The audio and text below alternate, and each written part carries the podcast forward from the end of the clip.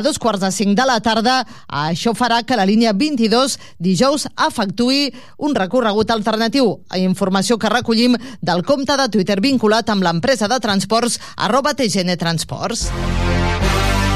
Aquí ho deixem, les notícies les anirem ampliant i actualitzant a la pàgina web a www.tarragonaradio.cat. Per la nostra part és tot. Que vagi bé, bona tarda.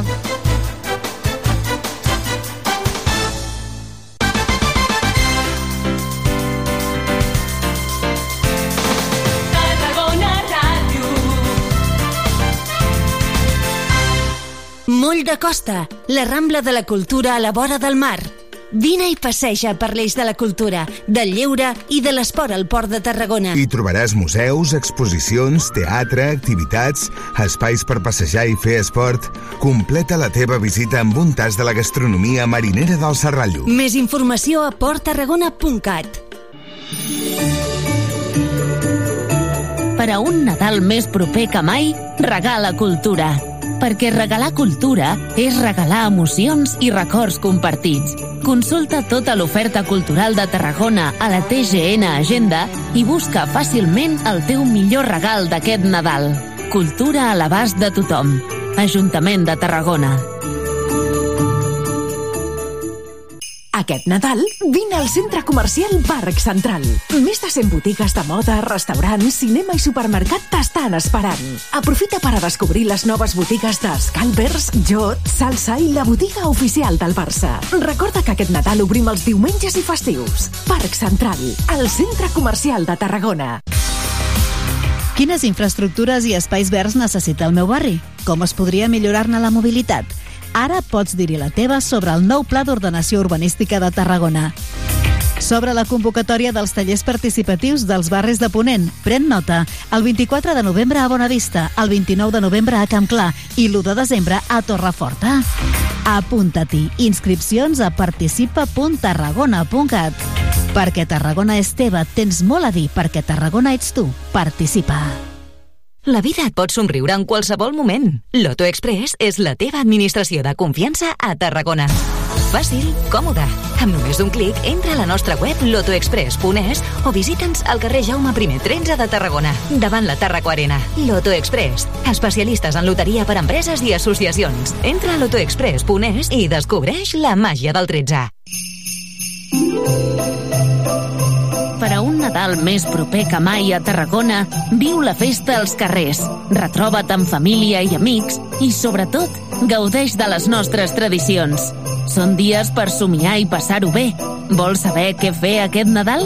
Consulta totes les activitats a nadal.tarragona.cat o a l'app TGN Agenda. L'Ajuntament de Tarragona et desitja unes bones festes.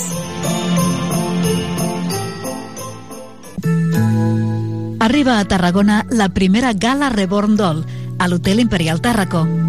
Vine els dies 17 i 18 de desembre a l'exposició de bebès hiperrealistes creats per l'escultora internacional Teresa de Castro. Amb les seves mans, la Teresa crea nadons que són verdaderes joies, plenes de detalls i que s'adrecen directament als sentiments. Endinsa't en un món de somriures, deixa anar la imaginació. Entra a la màgia dels bebès reborn, de Teresa de Castro. Les peces exposades estan a la venda i podràs participar al sorteig gratuït d'un nadó reborn. 17 i 18 de desembre, a la Sala Fòrum de l'Hotel Imperial Tàrraco, primera gala Reborn Doll de l'escultora internacional Teresa de Castro.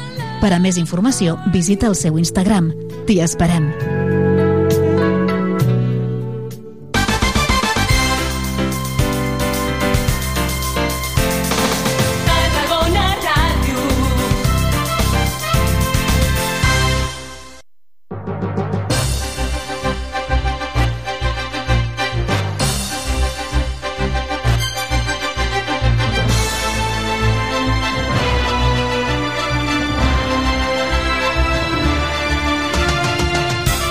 Sempre Nàstic, el programa de referència de l'actualitat del Nàstic a Tarragona Ràdio.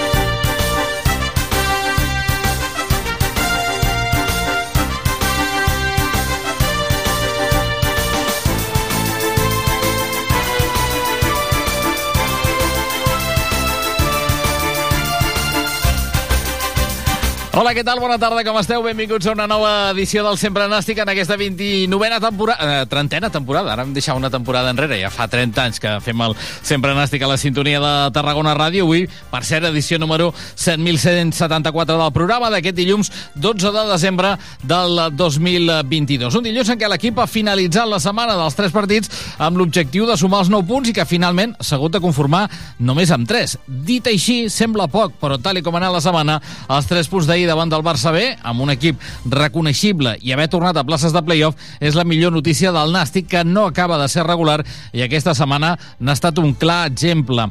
De la setmana hi ha lectures negatives, com la primera part davant del Sabadell, o el partit infumable que els granes van jugar dijous a Pamplona. Hi ha lectures positives, la segona part davant del Sabadell, el partit d'ahir davant del Barça B, i la bona notícia de que estem veient la millor versió de jugadors com Pablo Fernández. Ahir segurament van veure el millor Pedro del Campo de tota la temporada i la gran sorpresa de la nit, Eric Montes Arce, jugant de central, quin tros de partit que va fer. Queda molta lliga i tot està molt apretat. Estem arribant a l'Equador i segurament va ser hora de buscar una regularitat que cada cop posi més a l'equip mirant a la zona alta de la classificació. És important tancar l'any amb una victòria i aquest 2022 en Lliga el Nàstic el tancarà el proper diumenge al Coi. Per cert, que hi ha hagut canvi d'horari de partit. Estava previst que el partit es jugués diumenge a les 12 del migdia, ara es jugarà diumenge a les 5 de la tarda, coincidint amb la final del Mundial. Veurem si el Nàstic repeteix victòria, ja que l'any passat, en la darrera visita al Coi, va sumar una victòria. Comencem, com cada dia, amb les notes positives i negatives del cap de setmana. Sempre Nàstic. El semàfor. I anem pel semàfor verd per Erika Montes, eh, o com el va titllar Raül Agné després del partit. El jefecito, doncs molt bon partit del de Manresa en una posició que no és la seva, o almenys des de que juga al futbol professional, tot i que en futbol formatiu ell era defensa central. Ho va ser tota la seva trajectòria a la Masia. Ahir va haver de jugar per les baixes en defensa i va tornar a ser un gran partit d'Eric Montes que va sorprendre a tothom en aquesta posició de central fent parella amb Josema. Principalment estic super feliç per la victòria després de dues derrotes. Ha sigut una setmana complicada, però bueno, quina millor manera de guanyar aquí a, a Tarragona, a casa, amb la nostra gent i sobre contra un molt bon rival. I per altra part, bueno, ja és una posició que estic acostumat de, de quan estava a la cantera del Barça, quasi tota la vida he jugat allà i m'he sentit còmode i, i superfeliç per la victòria. I la nota negativa per aquesta irregularitat del Nàstic com reconeixia el mateix Raül Agné. En una setmana ho han vist clarament aquesta doble cara que té l'equip davant del Sabadell. Una primera part dolenta i una segona molt bona. A Pamplona, una imatge lamentable de l'equip. I ahir davant del Barça B, un altre bon partit del Nàstic. Està clar que a l'equip li està costant mantenir una regularitat i això és el que reclamava ahir, després de la victòria davant del Barça Atlètic, l'entrenador del Nàstic, Raül Agné però jo estic molt content pel que he vist. Venim de fer un molt mal partit a Pamplona. Vam intentar competir, però no ho vam fer. Crec que el dia del Sabadell no vam mereixer perdre, mereixíem alguna més. I això amb una setmana, contra un equip de nens que els agrada la pilota, i hem estat molt bé. Hem recuperat la porteria a zero, com dius, portem 20 gols en contra, això, això és impossible. No, no pot ser. I hem de ser més regulars. Volem això, volem això, competir així, això és el més important. Crec que el resultat és curt, ells ocasions de gol no n'han tingut cap. Com bé dius la defensa si no m'hagués sortit bé la jugada m'haguessin dit que estic boig. I avui hem vist pues, que tenim un jefecito a la defensa que és pura raça, pura energia i a sobre molt bon jugador. Doncs hem conegut la notícia positiva i negativa del cap de setmana del Nàstic, dues del migdia i nou minuts, edició del Sempre Nàstic que realitza tècnicament el Lluís Comas amb tota la redacció d'Esports de Tarragona Ràdio. Us parla Jordi Blanc. Fem una primera pausa per la publicitat, de seguida tornem.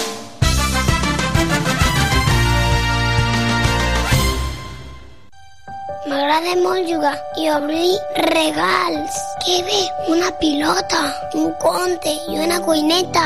Uneix-te a la campanya de recollida de joguines de Creu Roja Joventut. Porta una joguina nova, no bèl·lica, no sexista, sostenible i millor si és per compartir. Els seus drets en joc. Amb la teva ajuda tenen molt a aprendre. Els nostres drets en joc. Tens menys de 36 anys? Coneixes algú que els tingui? Doncs ara, per menys del que costa una pizza, podreu gaudir dels espectacles de la nova temporada de tardor-hivern de Tarragona Cultura. Teatre, música, dansa, circ i molt, molt més. Us oferim descomptes de fins al 60%, sí, sí, ho heu sentit bé. Consulteu-ne tota la informació a cultura.tarragona.cat. Cultura a l'abast de tothom. Ajuntament de Tarragona. A Tarragona, mantinguem la ciutat neta. Recull els excrements del teu gos i aboca una mica d'aigua als orins. No fer-ho pot comportar una sanció de 300 euros. Cuidem entre tots la ciutat. Ajuntament de Tarragona. Per a un Nadal més proper que mai, gaudim com infants. Ho tenim tot preparat. El patge i el magatzem reial, el cap d'any infantil i la tradicional cavalcada. Vols saber què fer aquest Nadal? Consulta totes les activitats a nadal.tarragona.cat o a l'app TGN Agenda. L'Ajuntament de Tarragona et desitja unes bones festes.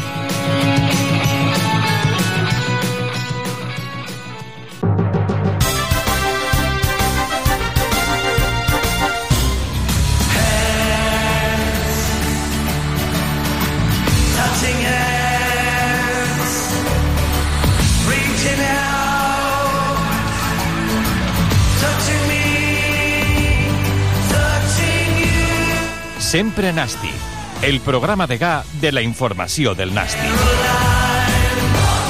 4 minuts, arribem al punt d'un quart de 3 de la tarda, edició del Sempre Nàstic, el dia després de la victòria davant del Barça Atlètic. Eh, De seguida saludem a un convidat que tenim a l'altre costat del fil telefònic, però d'entrada vull saludar els dos eh, convidats avui a la tertúlia de, del Nàstic, dos eh, eh, entrenadors amb actiu, o més o menys amb actiu, com són el Jaume Bonet. Jaume, què tal? Bona tarda. Hola, bona tarda a tothom. I el Toni Oruch. Toni, què tal? Bona tarda. Hola, bona tarda. Amb ells dos parlarem de l'actualitat del Nàstic. Eh, Deixeu-me que abans de, eh, de seguida saludo un convidat que tenim a l'altre costat del fil telefònic, però m'agradaria una primera impressió del partit d'ahir davant de, del Barça Atlètic, d'aquesta victòria del Nàstic. Jaume. Un, un canvi d'imatge que no es pot imaginar. O sigui, algo que el dijous eh, ho veies com Passem d'un costat a l'altre, eh? El diumenge veus que eh, aquest equip m'agrada. Aquest equip eh, resulta. Eh, és sèrio, enèrgic, eh, sap el que fa i, de més, se'n va cap dalt.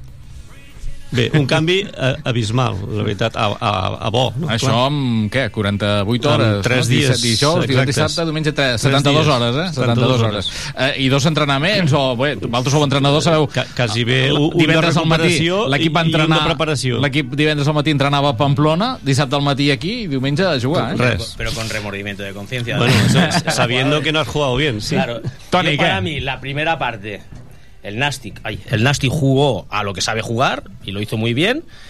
Y, y el Barcelona desactivado totalmente, insípido, no, no, no tuvo su ADN, porque yo es el no sé si por méritos del Nastic o por De- desmérito de ellos, pero yo no vi un Barcelona con el ADN ese que dicen, porque juego muy lento, muy ramplón, sin desmarques de ruptura, que es lo que a veces hace que te rompan esas, esas líneas tan juntitas, como el Nastic estaba Mm. muy juntito, y los interiores extremos muy planos todos. O sea, pero a lo mejor fue porque el Nastic lo estaba haciendo muy bien.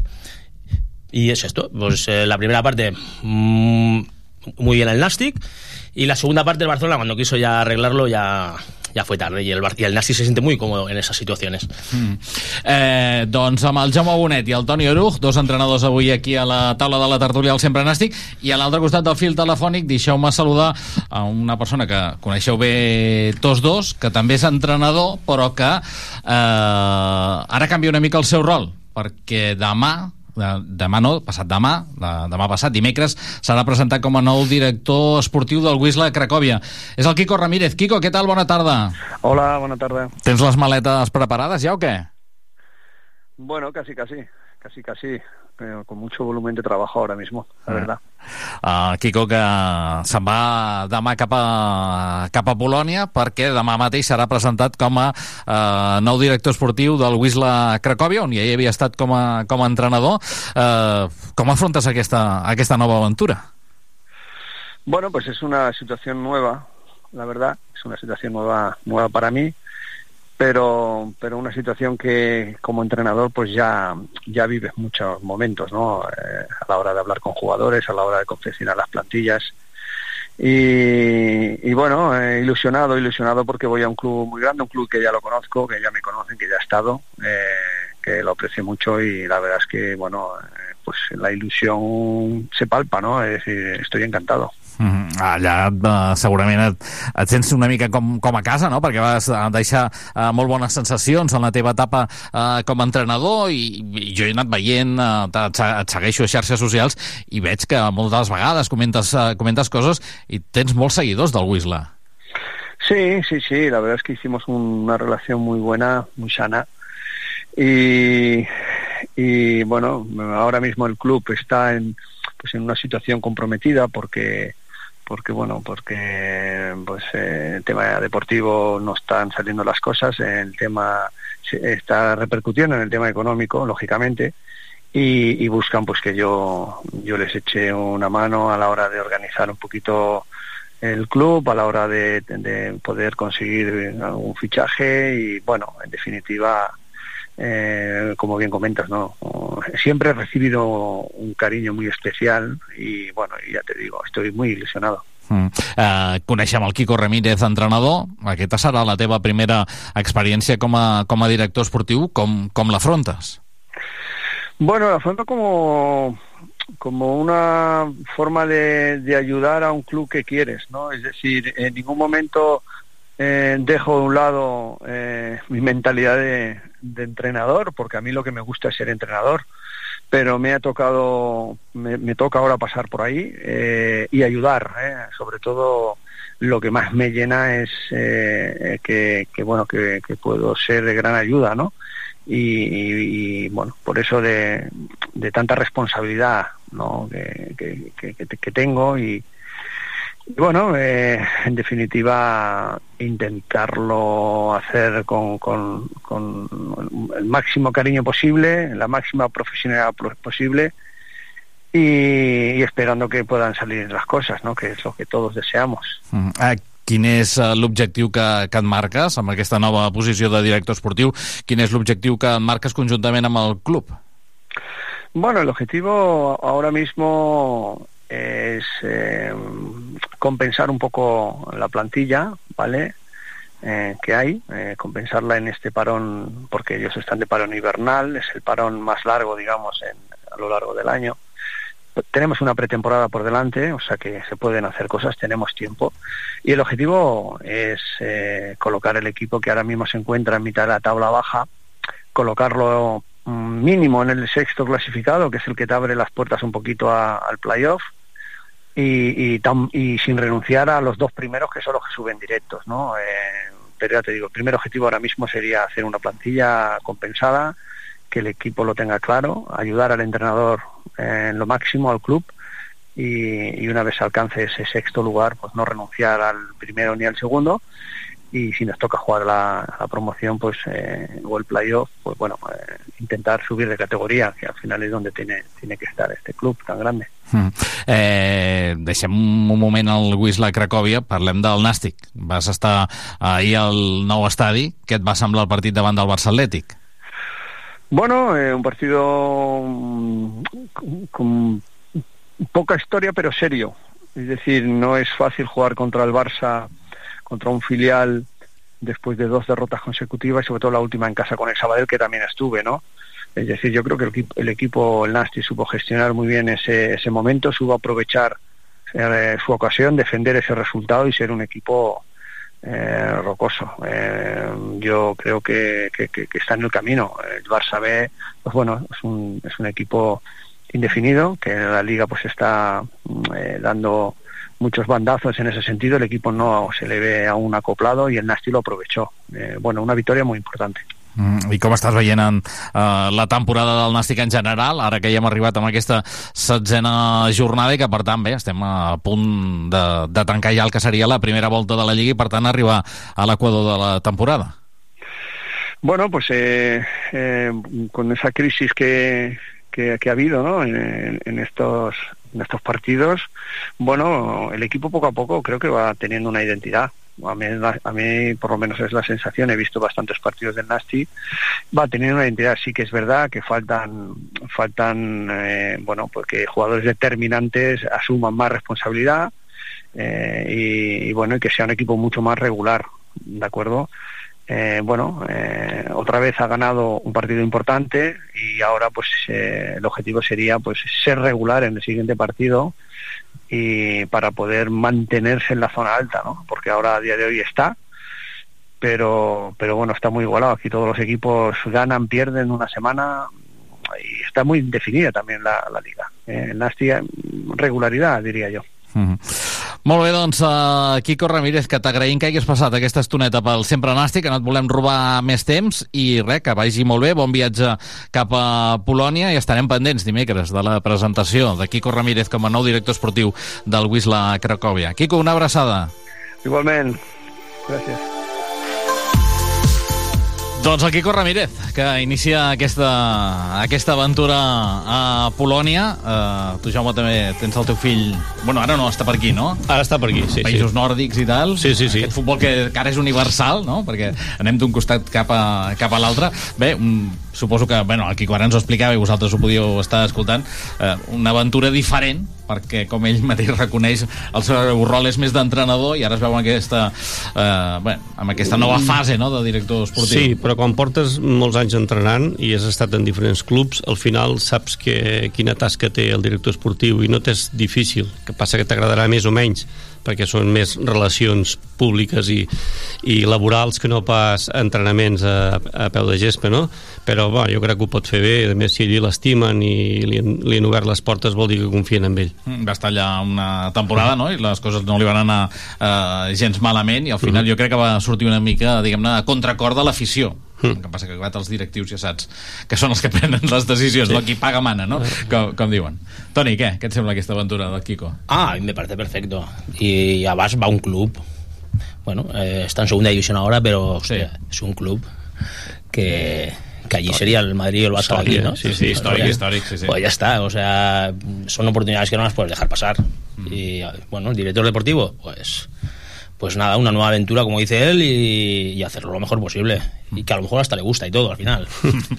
Eh, tornem al, al Nàstic, va, que havíem parlat abans breument de, de, del partit i tal. Eh, us va sorprendre eh, el, la posició de- d'Eric Montes, el partit que va fer Eric Montes? Perquè, clar, no és només eh, que sorprengués el fet de que jugués de central, o ens podia sorprendre una mica, sinó el partit que es va marcar, que jo crec que al final va acabar sent el millor, Bueno, el millor del Nàstic o dels millors del Nàstic. Jo crec que al final tots eh, estem amb la, amb la mateixa sintonia.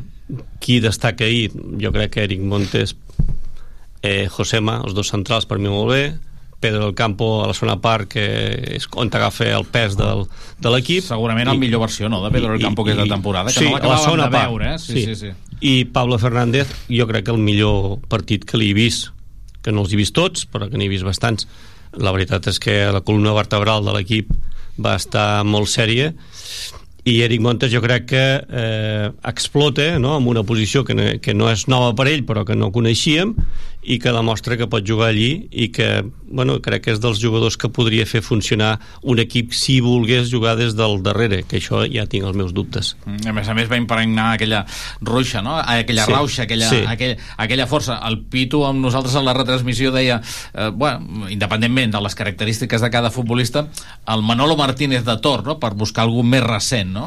Sí, un, un jugador que quan acaba una jugada i li surt bé eh, fa vibrar l'afició, no? Se sent important, enèrgic, no? Se sent que diu, va, tots, som-hi, no?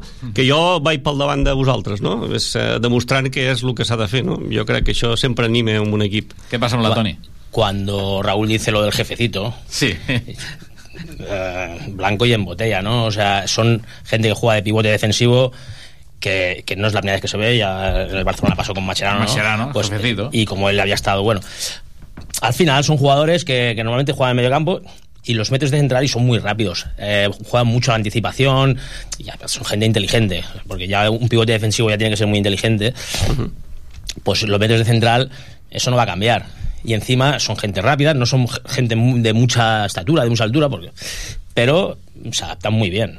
Se adaptan muy bien y ahí se adaptó perfecto. Además, para un juego contra el Barça, pff, en el que necesitas estar, van fer aquí moltes travesses eh, d'alternatives, un cop sabem que, que, que Quintanilla doncs, eh, està, està sancionat pel, uh, pel partit, col·locaven fins i tot a Robert Simón de, de lateral dret per traspassar a Pol Domingo al, a l'eix de la defensa, però al final Agneu ho va estar explicant, no? Amb els jugadors del Barça volia tenir, diguem-ne, els seus dos titular, eh, laterals titulars, mm, en aquest cas Pol Domingo i, i Joan Oriol, i va, es va jugar aquesta, és aquesta que, carta. és que tindries que canviar moltes posicions no? per arreglar una sola no? Sí, així, sí. en canvi, només canvies un jugador que, que havia jugat amb, eh, de pivot a, a, Pamplona Sí. i el retraces com a central i no toca res més o sigui, t'acoples al, a la teua, al teu sistema de joc habitual i no tens que modificar altres posicions jo crec que va fer bé Mm. Ah, era una setmana important perquè era la setmana dels famosos 9 punts, tots Sí. volíem 9 punts i, bueno, imagina't, eh, si, si el Nàstic hagués tingut la sort aquesta Sí, de sí. sumar 9 punts eh, hòstia, és que ens agrada fer futbol ficció eh?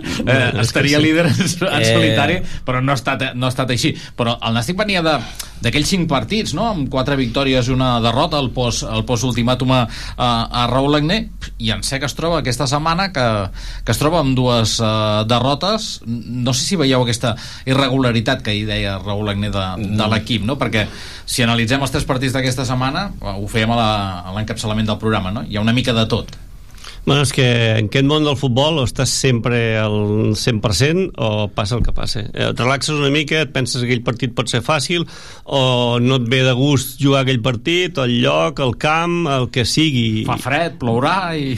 Baixa una mica, baixa una mica la intensitat, l'equip contrari se't posa al damunt i ja no hi ha ma- manera. En 90 minuts no canvies, és, eh, és l'inici el que et demostra les teves possibilitats i aquesta setmana s'ha vist claríssimament. Els primers 15 minuts del Nàstic van ser boníssims, sobretot amb l'aspecte tàctic i la pressió a dalt eh, contra el, el Barça. que és segurament el que havia fallat contra el Sabadell a la primera part, no? Perquè més o menys el Nàstic va buscar el Sabadell també a dalt, però no s'hi acaba de trobar, deixa un forat al mig del camp i allí és on fa tot el mal al Sabadell. perquè aquesta vegada devien tindre molt més preparat el partit o poder perquè el Barça és més previsible perquè el Barça sempre juga de la mateixa manera i, i apretaven de tal forma que eh, provocaven la pèrdua de pilota del contrari i, i iniciar el contraatac una pequeña reflexión, ¿no? Ha sido una semana de tres partidos, ¿no? El Nastic ha hecho tres puntos y ha recortado con el primero. ¿Qué nos quiere decir esto? S'ha tornat a col·locar en playoff.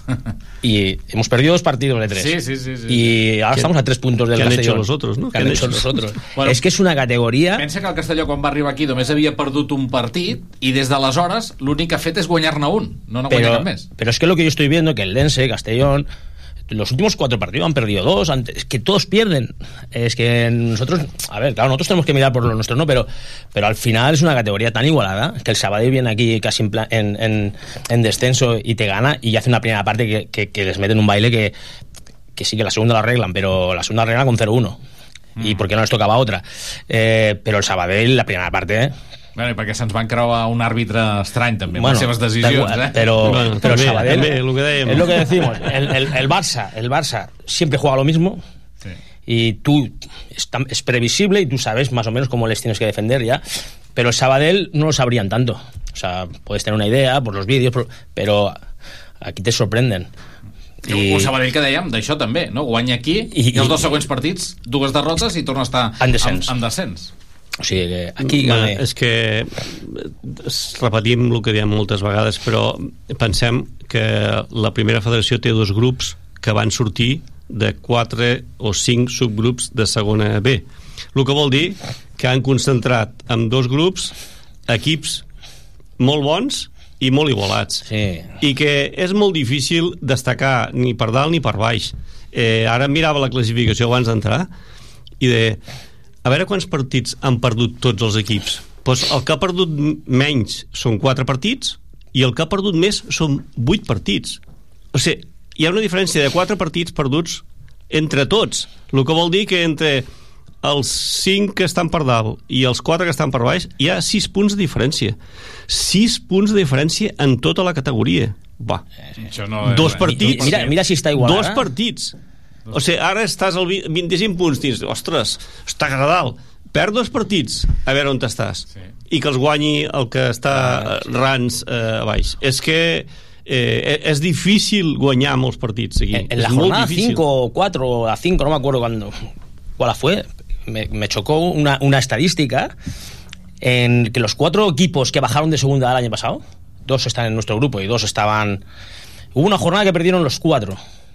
O sea, para que, para que veas que, que dos equipos que bajan de segunda división, que en teoría tienen la ayuda todavía, tienen el presupuesto, tienen el equipo, tienen todo, y perdieron contra equipos que yo lo estaba viendo y digo, no me lo creo, estaban perdiendo, perdían contra equipos de, de- de- de- de una talla menor, pero. pero, pero y, y- perdieron. O sea, que, que yo creo que eso está muy igualado. Bueno, y... mi, mi, mi, mira't el Deportiu a la Corunya, no? que l'any passat eh, et van dir, bueno, és el seu primer any en la categoria, no fas una bona temporada, al final fa el playoff, no acaba pujant com, com el Nasti, però aquesta temporada, que és la seva segona, amb tot el que té al darrere el Deportivo, i ha canviat d'entrenador, i continua veient el Córdoba 5 punts per sobre, no? Vull dir... Que ayer perdió el Córdoba. Sí, sí, per això, per això, que ell també va perdre, però bé... Per això, que, que, també perden. Sí, eh? 3-0.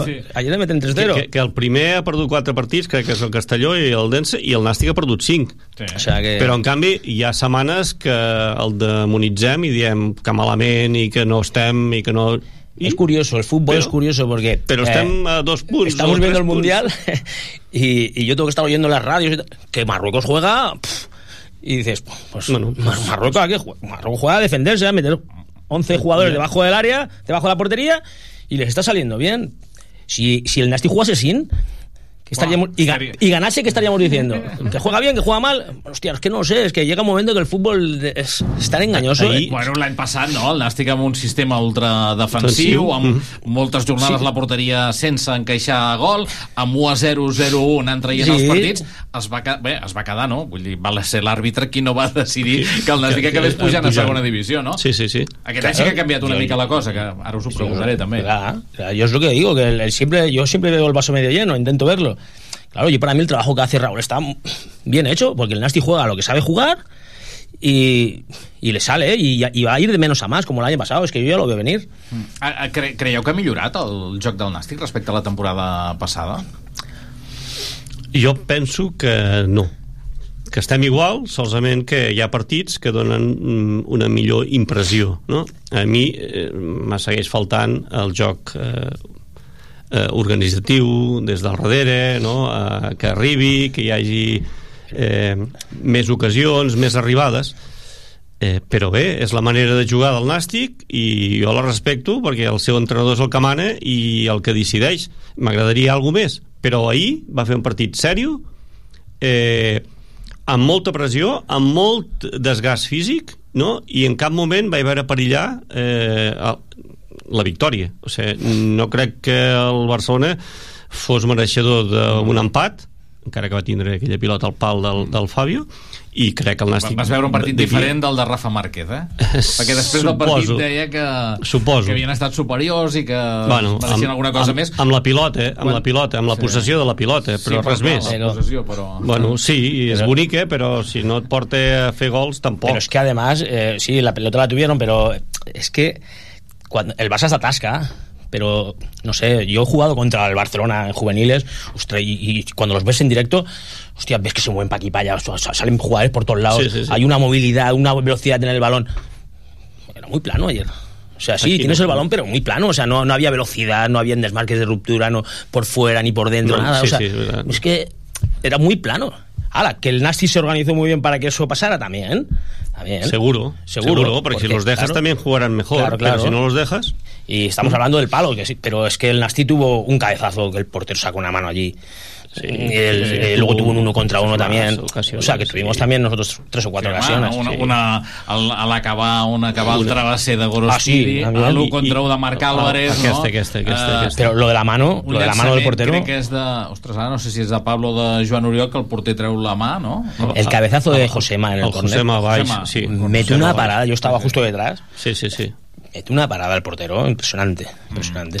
Eh, ahir Raúl Agné parlava molt de, de que falta trobar aquesta regularitat a l'equip. Creieu que, que és un dels problemes que té l'equip i també va deixar anar un missatge que no, no sé massa bé com interpretar-lo perquè va deixar anar així per sobre i ja no, ja no hi va haver repregunta que era que arribats en aquesta setzena jornada cap jugador de la plantilla li podrà dir que no li ha donat oportunitats perquè ha jugat, eh, ha jugat tothom, tothom ha tingut els seus minuts però que comença a ser hora de tenir un 11 definit. Com ho interpreteu Bueno, vosaltres que sou jo entrenadors? interpreto que la gestió d'un entrenador amb una plantilla àmplia i valuosa no? eh, al llarg del, de la temporada es fa difícil i tens que prendre unes decisions en determinat moment tu dones oportunitats a tothom, sobretot a les primeres jornades, vas veient, depenent del resultat i del contrari, si apliques eh, rotacions o no les apliques, però arriba un moment que te jugues les garrofes, que començarà a ser doncs, aviat, mentre estem així no passarà res, de dir, jo confio en aquests 13 o 14, si hi ha una lesió canviaré, però si no seguiré jugant amb els mateixos. Jo crec que aquest és el missatge subliminal eh, vaja, jo pel, pel, pel que diu. Eh, i has, El has tema- fet dues preguntes. Sí, no, el tema de la irregularitat. la regularitat, aviam jo això de la regularitat a vegades també penso que el missatge que transmitim als entrenadors no és el prou clar com per dir anem o no anem? A mi em va semblar que ahir des del primer minut anàvem a pel partit a davant a pressionar i a robar. A la segona part ja amb l'1-0 una mica més defensar i contraatac en canvi a Pamplona no hi haver en cap moment a què, quin era el plantejament. A què anem a fer? Només adaptar-nos al contrari? O anem a aconseguir eh, fer superiors amb algun tram del partit o amb algun eh, eh, posicionament del partit? I llavors sembla que dius, bueno, anem a sortir i a veure què passa. I això el jugador ho percep de seguida si vols o no vols Molts no? partits del Nàstic fora de casa sembla que vagis a, a veure si erra el rival, no? a veure I què passa la teva oportunitat. però no tu eh, implementar alguna cosa o fer alguna des d'inici poder el partit d'Irun Mm. però amb els altres m'acosta veure a què anem a fer anem a que no facin res al contrari i a veure què passa no? Es que eso le fue muy bien el año pasado. Eh, intentar que el contrario no haga nada, ellos bien colocados, bien. Era un bloque muy sólido, muy, muy compacto. Sí, però aquest any, ja, aquest any no Bueno, t'està anant tan bé perquè amb, amb 16 partits has encaixat 20 gols. 20 gols, sí. sí, Pero bueno, pero al final estás ahí otra vez, ¿eh? Sí, no, no. Sí, o sea, que, es que estás ahí otra vez. O sea, que, y, y, y- y respecto a lo que decíamos antes, ¿no? Dice que, que ha cambiado un poco, ¿no? Este año, que si arriesgan.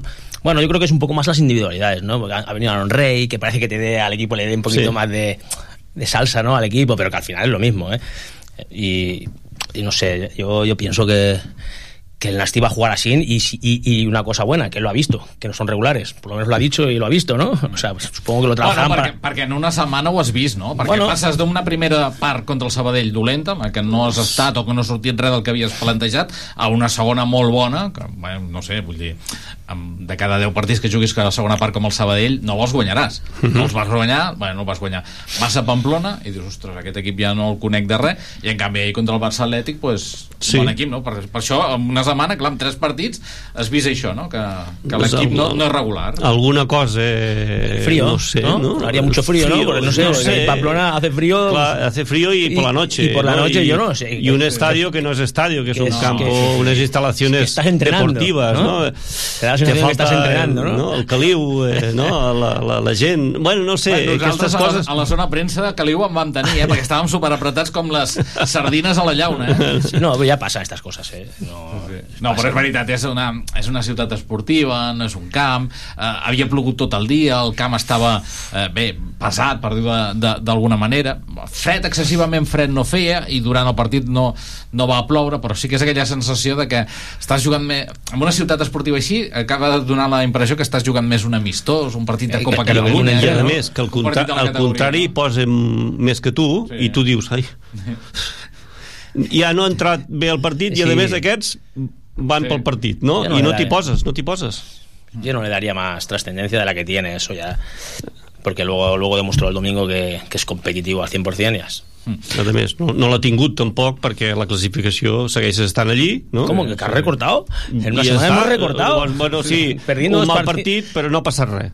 No passa res. Eh, per anar acabant ja, eh, partit del COI diumenge, al final a partir de les 5 de la tarda, no a les 12 com estava, com estava previst, pues, cap complicat, eh, el Coll, eh? Uf, és complicat el- Ens, ens costa guanyar El- menys l'any passat que necessitàvem la bueno, victòria. Eh, És complicat el camp, és complicat l'equip i és complicada la situació que té l'Al- l'Alcoià Sí, sí. que ve d'una derrota amb, crec que un expulsat també El seu màxim golejador, que no podrà jugar. Qu quatre, quatre gols eh, fan mal, no? Però, clar, vas allí i tenen que donar el do de pit eh, amb la seva afició si dius que, que és el mateix horari de la, de la Copa Mundial doncs no sí, sé no, si... la final del Mundial crec que és diumenge a les 4 de la tarda, doncs mira. No. Uf, és raro també això, també és raro no? coincide Sí, sí, sí. és molt raro eh, però vaja, que que, vam- que allí la gent apreta bastant aquell camp és complicat Sí, yo he jugado allí y, bueno, hace muchos años, pero pero que sí, que y lo, lo pasarán mal, pasarán mal. Sí, pero lo pasan, bueno, pero como, almenys- como, han- como lo han pasado siempre. Pero, pero teniendo ese dato, que vas- sabes que lo vas a pasar mal, lo que no puede salir como el día de, de, De Pamplona. Pamplona, Pamplona. ya sabes que tienes que salir y teniendo localizado la regularidad. O sea que yo creo que, bueno, no, te- no sabremos qué decir la semana que viene si, si te meten o, un partido malo. ¿Qué diremos? Pues no sé. Va, Ho parlarem dilluns que ve amb els convidats a, a la tertúlia d'aquí de, del, del, sempre, del Sempre Nàstic. Recordem, eh, el partit eh, previst per les 12 del migdia ha canviat d'horari a les 5 de la tarda perquè, segons ens han explicat des del COI, eh, diumenge al matí hi ha la mitja marató del COI i la policia local ha fet un informe en el que no podia garantir bé, la seguretat en tots els esdeveniments esportius i per això la Federació Espanyola de Futbol ha canviat eh, l'horari a diumenge a les 5 de, de la tarda. Eh, ho deixem aquí. Jaume Bonet, Toni Oruj, que ha estat un ple, que vagi molt bé, senyors, que provin les festes, si no ens veiem, i ens Moltes retrobem el gràcies. 2023. Igualment a tots Muchas els gracias, igualmente. aficionats. Doncs uh, res, uh, 19 minuts per arribar al punt de les 3 de la tarda. Lluís em diu que ja tenim el José Antonio Luaces, per tant el saludem. José Antonio, què tal? Bona tarda. Bona tarda, Jordi. Sempre Nàstic. L'altra lliga amb José Antonio Luaces.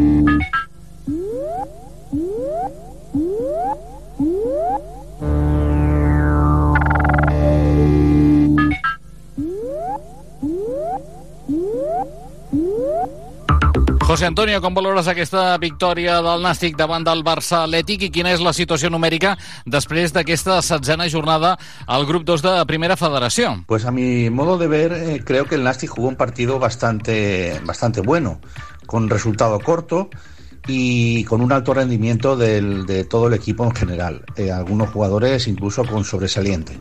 Podríamos citar algunos como Eric Montes, Pedro del Campo, eh, eh, Pedro eh, Fernández, que, se vació, en fin, mu- muy bien en cuanto al rendimiento de los jugadores.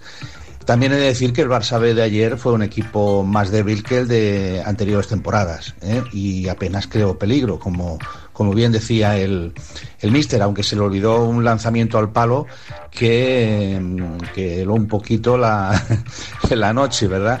Que pudo ser eh, el 1 a 1 y hubiera complicado un poco la cosa. En definitiva, una victoria muy importante y que devuelve al equipo a la, a la zona noble. En cuanto a los números del Nasty, pues eh, ya lo, devuelve a, a la, a la- a la buena senda.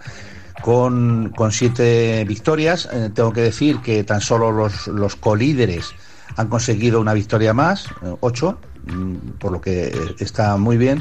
Cuatro empates em, es una cifra buena y cinco derrotas, eh, bueno, pues estamos en, en la línea de casi todos los equipos. Eh, los que menos, han, menos derrotas han tenido han sido cuatro. Es decir, que esto da una idea de la igualdad que hay en toda la competición eh, hasta el, momento. En el tema de goles, 18 y 20 en contra, pues ya lo hemos dicho, los 20 nos están lastrando mucho, el tener una diferencia de menos 2 es muy importante porque en esa, jugando a esa zona de entrar o no entrar en la zona noble, pues eh, el, el golaveraje puede ser eh, eh, muy bueno o muy malo. En este caso ha sido bueno, hemos subido hasta la, hasta la quinta plaza.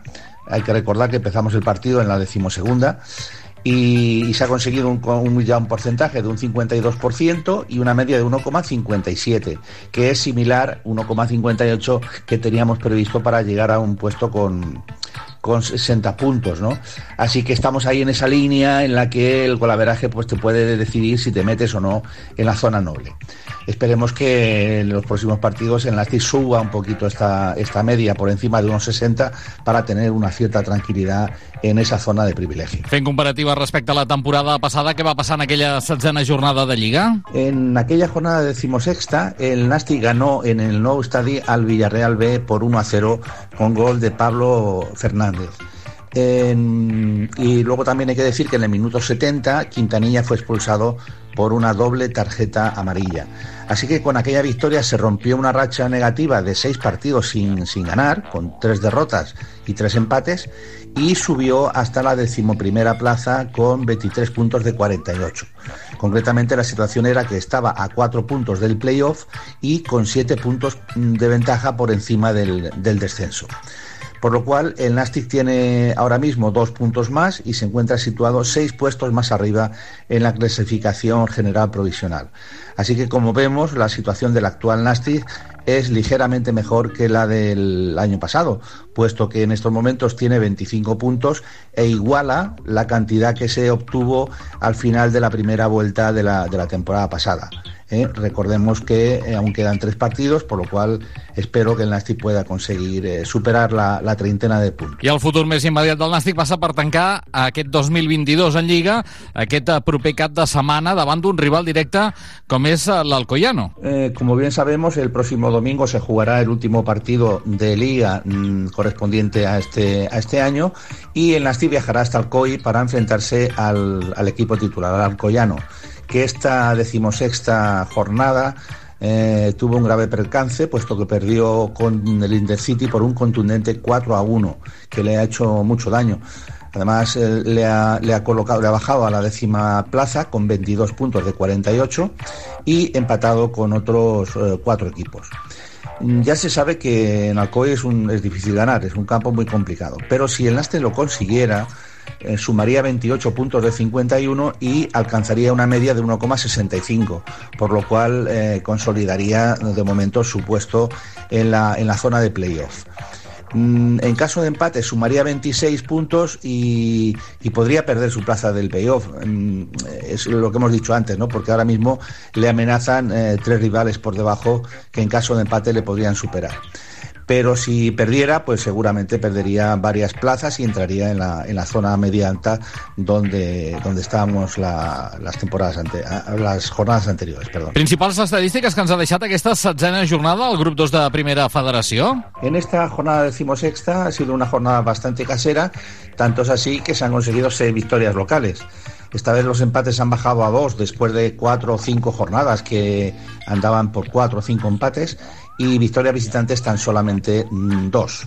Entonces, en 160 partidos que se han jugado hasta el momento, eh, los equipos en casa han conseguido ya 70 victorias, que supone un 44%, eh, 40 y pa- 49 empates eh, supone un 31%, es bastante alto, y 41 victoria que supone un 26%. Por, eh, 26%.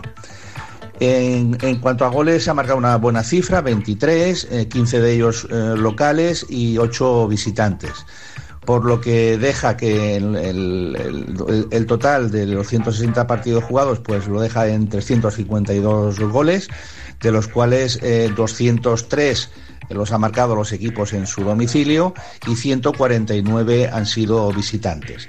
Esta media nos deja mm, 2,20 20 de media, que nos llevaría sobre los 836 goles aproximadamente a final de la, de la temporada. I això ho rematem, José Antonio, com cada dilluns, amb el trofeu Pichichi Zamora, com el tenim? En estos dos trofeos, mm, la clasificación del Pichichi prácticamente está sin, movi- sin moverse respecto a los tres primeros puestos, ya que eh, Nacho, el, el delantero del Real Unión, pues está primero con nueve goles, Eneco Jauregui sigue, sigue con ocho desde hace ya muchas jornadas, y Unzueta de la Sociedad Deportiva Logroñés que tiene siete. Y luego por debajo hay un grupo, creo que son de seis, seis siete futbolistas con seis goles.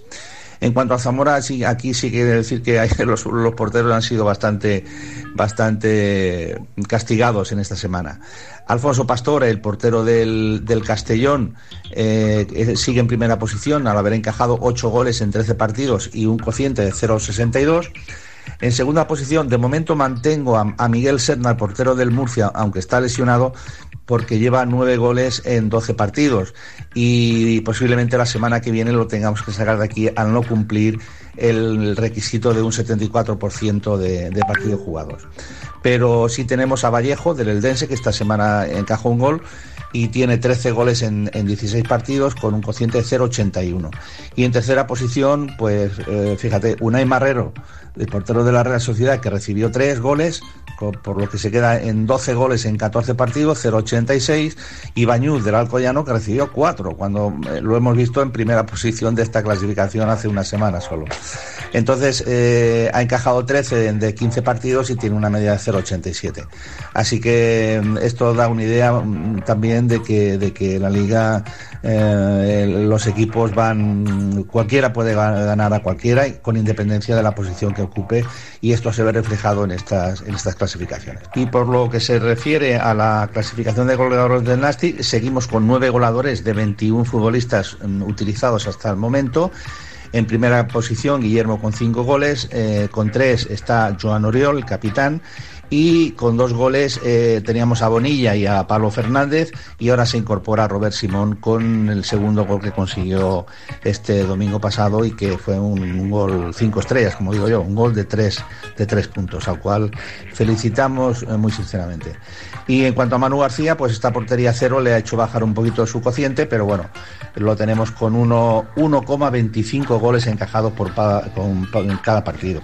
Y esto el propio Mister ya lo decía, esto es un castigo que nos lastra mucho para poder permanecer eh, de una forma estable en la, en la zona noble. Molt bé, doncs, eh, José Antonio, ho deixem aquí. Ens retrobem dilluns de la setmana que ve. Que vagi bé, bona tarda. Muy bien, Jordi, pues eh, esto es todo por el momento. Eh, muchas gracias por la atención de todos los radioyentes.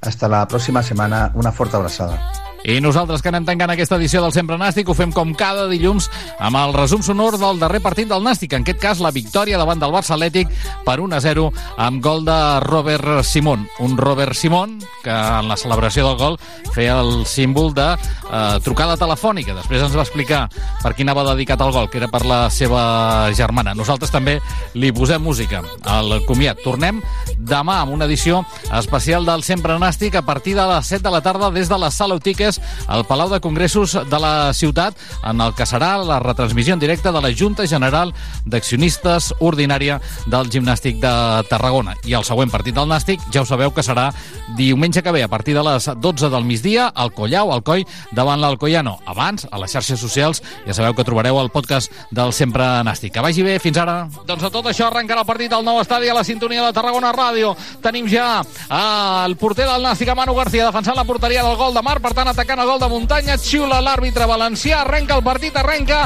la setzena jornada de Lliga, el grup 2 de Primera Federació. Bé, jo crec que serà un partit en què, lògicament, el Barça no es tancarà i, per tant, Uh, aquí també el Nàstic pot tenir les seves, les seves opcions eh, a la contra. La pilota al Nàstic, ho fa ara mateix eh, Joan Oriol, penja aquesta pilota, el cop de cap i anava Guillermo, l'acaba traient la defensa.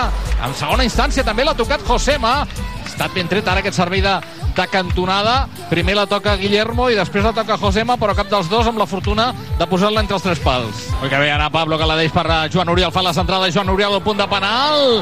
No hi arriba Guillermo, es queixa d'una enganxada, l'àrbitre diu que continuïn. Pilota de Pedro del Campo, la frontal, el de Figueres que la té a la mitja lluna, no, no té una línia passada clara, ara sí l'endarrereix cap a Montalvo, obrirà a l'esquerra, apareix Aaron Rey, aquest la deix per Joan Oriol l'altra vegada, el capi del Nàstic ho vol tornar a provar per aquesta banda, que és per on està portant el perill al Nàstic, ha refusat la defensa, però torna a controlar a Joan Oriol, pilota per Montalvo, que la posa fine, fineta cap dins l'àrea per Pedro del Rey, la buscava cap a Pablo Fernández, l'acaba traient la defensa, recupera molt bé Eric Montes, que ho prova, fora! Ho ha provat molt bé Eric Montes, això és l'important, acabar les jugades, ens ho va demostrar l'altre dia, Osasuna promeses que totes les jugades s'han d'acabar, ha refusat la defensa, però el mateix Montalvo la controla per Pablo, Pablo que Oh. intenta marxar del seu marcador, que bé Pablo, que bé que ho està fent Pablo, que vol arribar a la frontal de l'àrea, llançament, atura Arnau Tenes, ha quedat desfundat ja. Sí, molt bé. Un Ha fet control, una jugada perfecta, Ha fet eh? un dribbling amb un, amb un control orientat, ha driblat pràcticament a dos jugadors de, del Barça Atlètic, no? Això és, La pilota que la volia jugar Pedro del Campo, carril de la banda dreta, intenta marxar del seu marcador, bon retall ara de Pedro del Campo que penja la pilota al punt de penal, la buscava Pablo, el llançament de Pablo, gol, gol, gol, gol, Fora de joc. fora de joc de Robert. Però dona gol, ara Gol, dona gol, gol. gol, gol, gol, gol, gol, gol, gol, gol, gol, gol, gol, gol, gol de Robert, gol de Robert, gol de Robert Simón, li protesta Robert. tot el Barça, a l'àrbitre que a més a més ensenya targeta groga, crec que Xus Alba, però val el gol del Nàstic, el gol de Robert Simón, al 45 de la primera meitat, aquesta jugada, diria jo, única i exclusiva de Pedro del Campo, que fa un parell de retalls i que acaba posant una pilota de cinema, que hi va Pablo Fernández a la rematada, però que l'acaba tocant Robert, i acaba posant la pilota al fons de la xarxa de la porteria d'Arnau Tenes per avançar el Nàstic, al 45 de la primera, al nou estadi, a la sintonia de Tarragona Ràdio, marca Robert Simón, que ho ha anat a dedicar a la banqueta, marca el Nàstic, Nàstic 1, Barça Atlètic 0. La pilota que la controla el Barça Atlètic a la frontal, penjant aquesta pilota al segon pal, el cop de cap, Manu García corna. Uf, el cop de cap aquí ha estat de, de Víctor Barberà, i jo crec que Manu García fa una cosa estranya, perquè jo crec que tal com li ve, ve la, la, la pot treure millor, però crec que al final, no sé què li passa, no sé si és perquè El li bota bot, la eh? pilota Jo al crec- davant, jo- jo crec que i allò bot- li complica una mica l'aturada i acaba enviant la pilota a corna. És el sisè córner del partit, el quart del Barça Atlètic. El llançament d'aquest servei de cantonada del Barça Atlètic, esquerra de la porteria de Manu García. Posarà la pilota enrere, aguantant aquí l'esfèrica, penjaven aquesta pilota al segon pal, buscant la rematada, la pilota l'acaba traient la defensa, llançament fora. Uf. Dix la pilota per Pol Domingo, carril de la dreta, Pol Domingo que fa la centrada, busca el punt de penal. Ui, el cop de cap de Pablo sortint llepant el pal esquerre de la porteria d'Arnau Tenes. Ui, llançament, tanca de 4. La posarà el capi del Nàstic. La posarà Joan Oriol. El llançament de Joan Oriol, fora! Sortida ajustadet al pal esquerre de la porteria del Barça Atlètic, però la pilota ha acabat sortint fora. Oi? Doncs ull a la falta, que és perillosa esquerra de la porteria de Manu García, 34 de la segona, guanya el Nàstic 1-0. Al costat de la pilota hi ha Aranda. Veurem qui acaba posant la pilota. Doncs finalment la posa Xuselva. Bé, Manu García. Bé, Manu García, que acaba aturant la pilota. No ha estat Xuselva, crec que ha estat Luis Micruz al final, eh?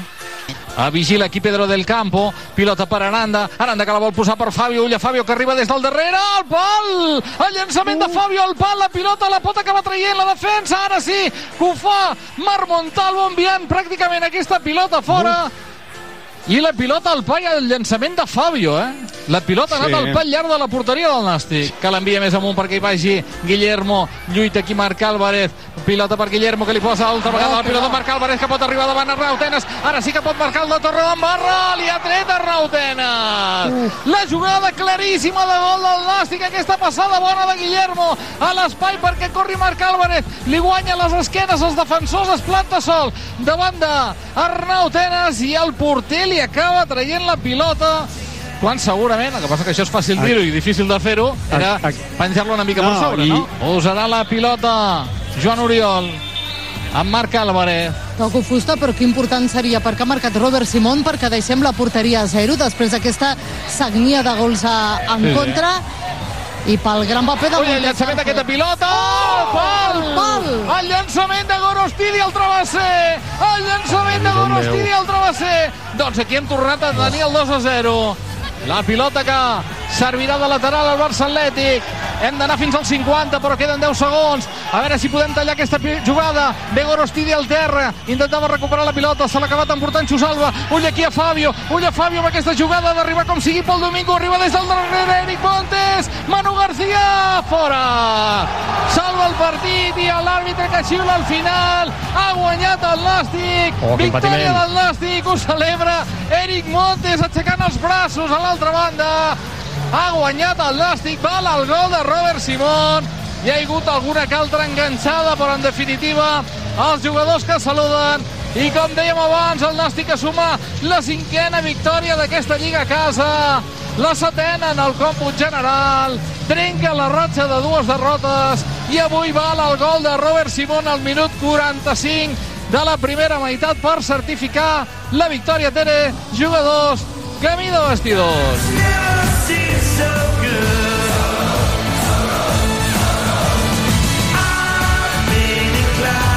Sempre Nasti. El regús de la jornada a Tarragona Ràdio.